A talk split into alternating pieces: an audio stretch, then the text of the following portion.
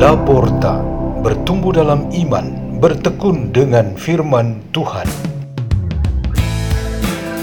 Radio Laporta, pintu terbuka bagimu untuk pertumbuhan pengetahuan dan kebijaksanaan tentang Allah.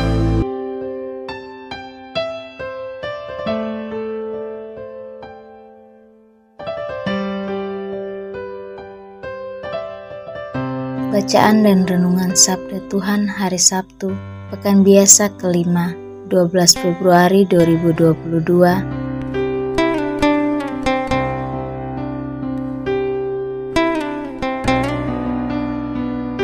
dibawakan oleh Apolonia Lema dan Maria Tania Musa dari Gereja Kapela Santo Markus Fatuka, Paroki Santo Simon Petrus Tarus, Keuskupan Agung Kupang.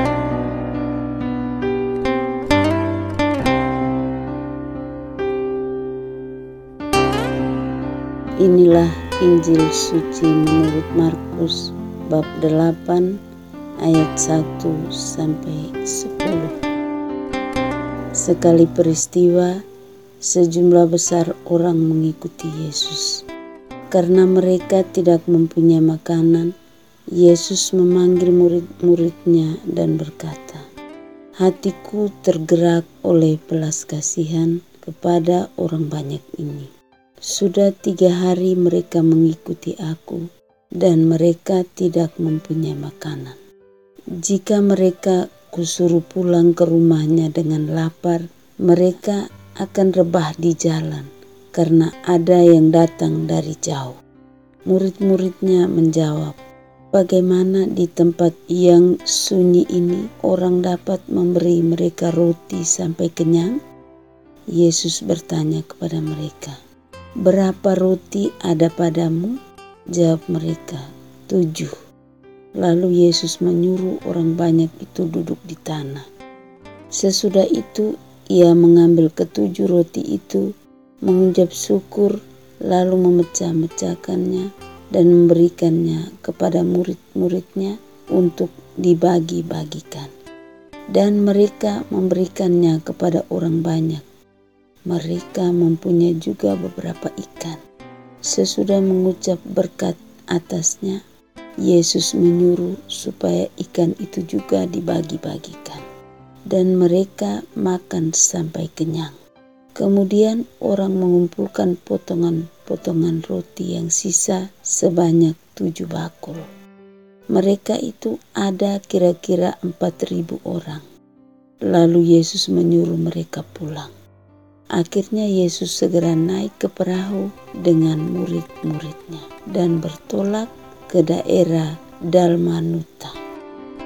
Demikianlah sabda Tuhan.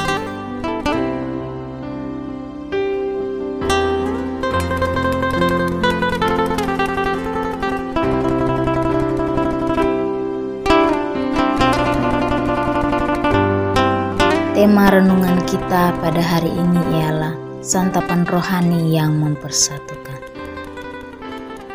Persekutuan di dalam satu keluarga tampak amat jelas ketika semua anggota keluarga kompak menghadiri misa kudus, lalu melanjutkannya dengan makan siang bersama. Ini adalah sebuah kegiatan rutin. Persekutuan seperti ini sangat bertentangan dengan nasib umat Allah di bawah raja-raja setelah matinya Salomo. Yang paling tragis ialah Raja Yerobeam memperbesar dosanya dengan melawan roh Allah karena ia percaya kepada dewa-dewa.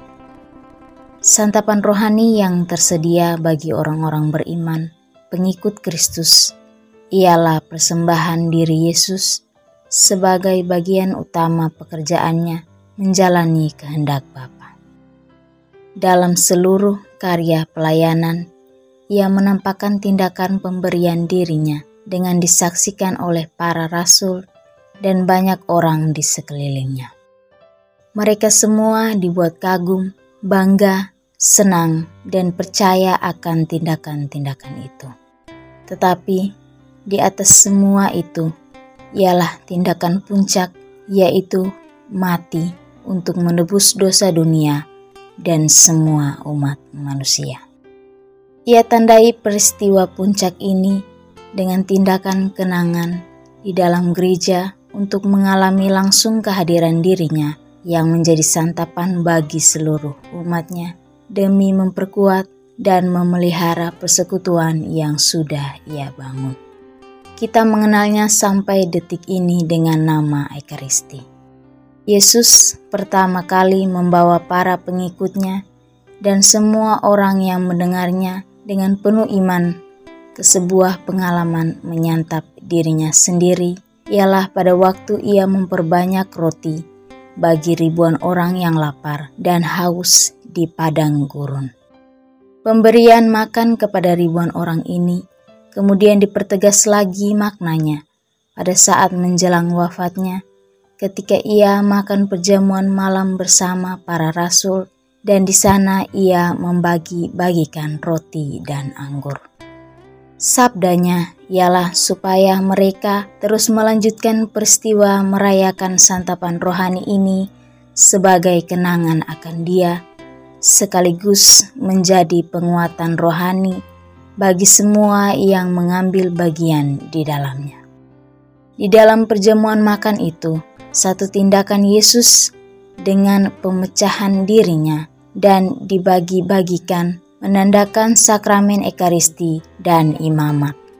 Jadi, persekutuan yang kita perkuat terus-menerus baik melalui doa dan tindakan nyata bergantung sekali pada dua unsur dasar ini, yakni Ekaristi, dan Imamah. Sakramen Ekaristi sebagai santapan rohani, sedangkan imamat sebagai hak istimewa untuk menjalankan dan memimpin peristiwa kenangan itu, supaya memiliki legitimasinya dari Tuhan. Marilah kita berdoa dalam nama Bapa dan Putra dan Roh Kudus. Amin. Tuhan Yesus Kristus, semoga persekutuan kami di dalam dan bersama Dikau menjadi kekuatan yang sangat nyata di dunia ini untuk menghadirkan kerajaan Allah yang dapat membaharui seluruh muka bumi ini. Salam Maria, penuh rahmat Tuhan sertamu. Terpujilah engkau di antara wanita dan terpujilah buah tubuhmu Yesus. Santa Maria Bunda Allah, doakanlah kami yang berdosa ini, sekarang dan pada waktu kami mati. Amin. Dalam nama Bapa dan Putra dan Roh Kudus. Amin. Radio Laporta, pintu terbuka bagimu.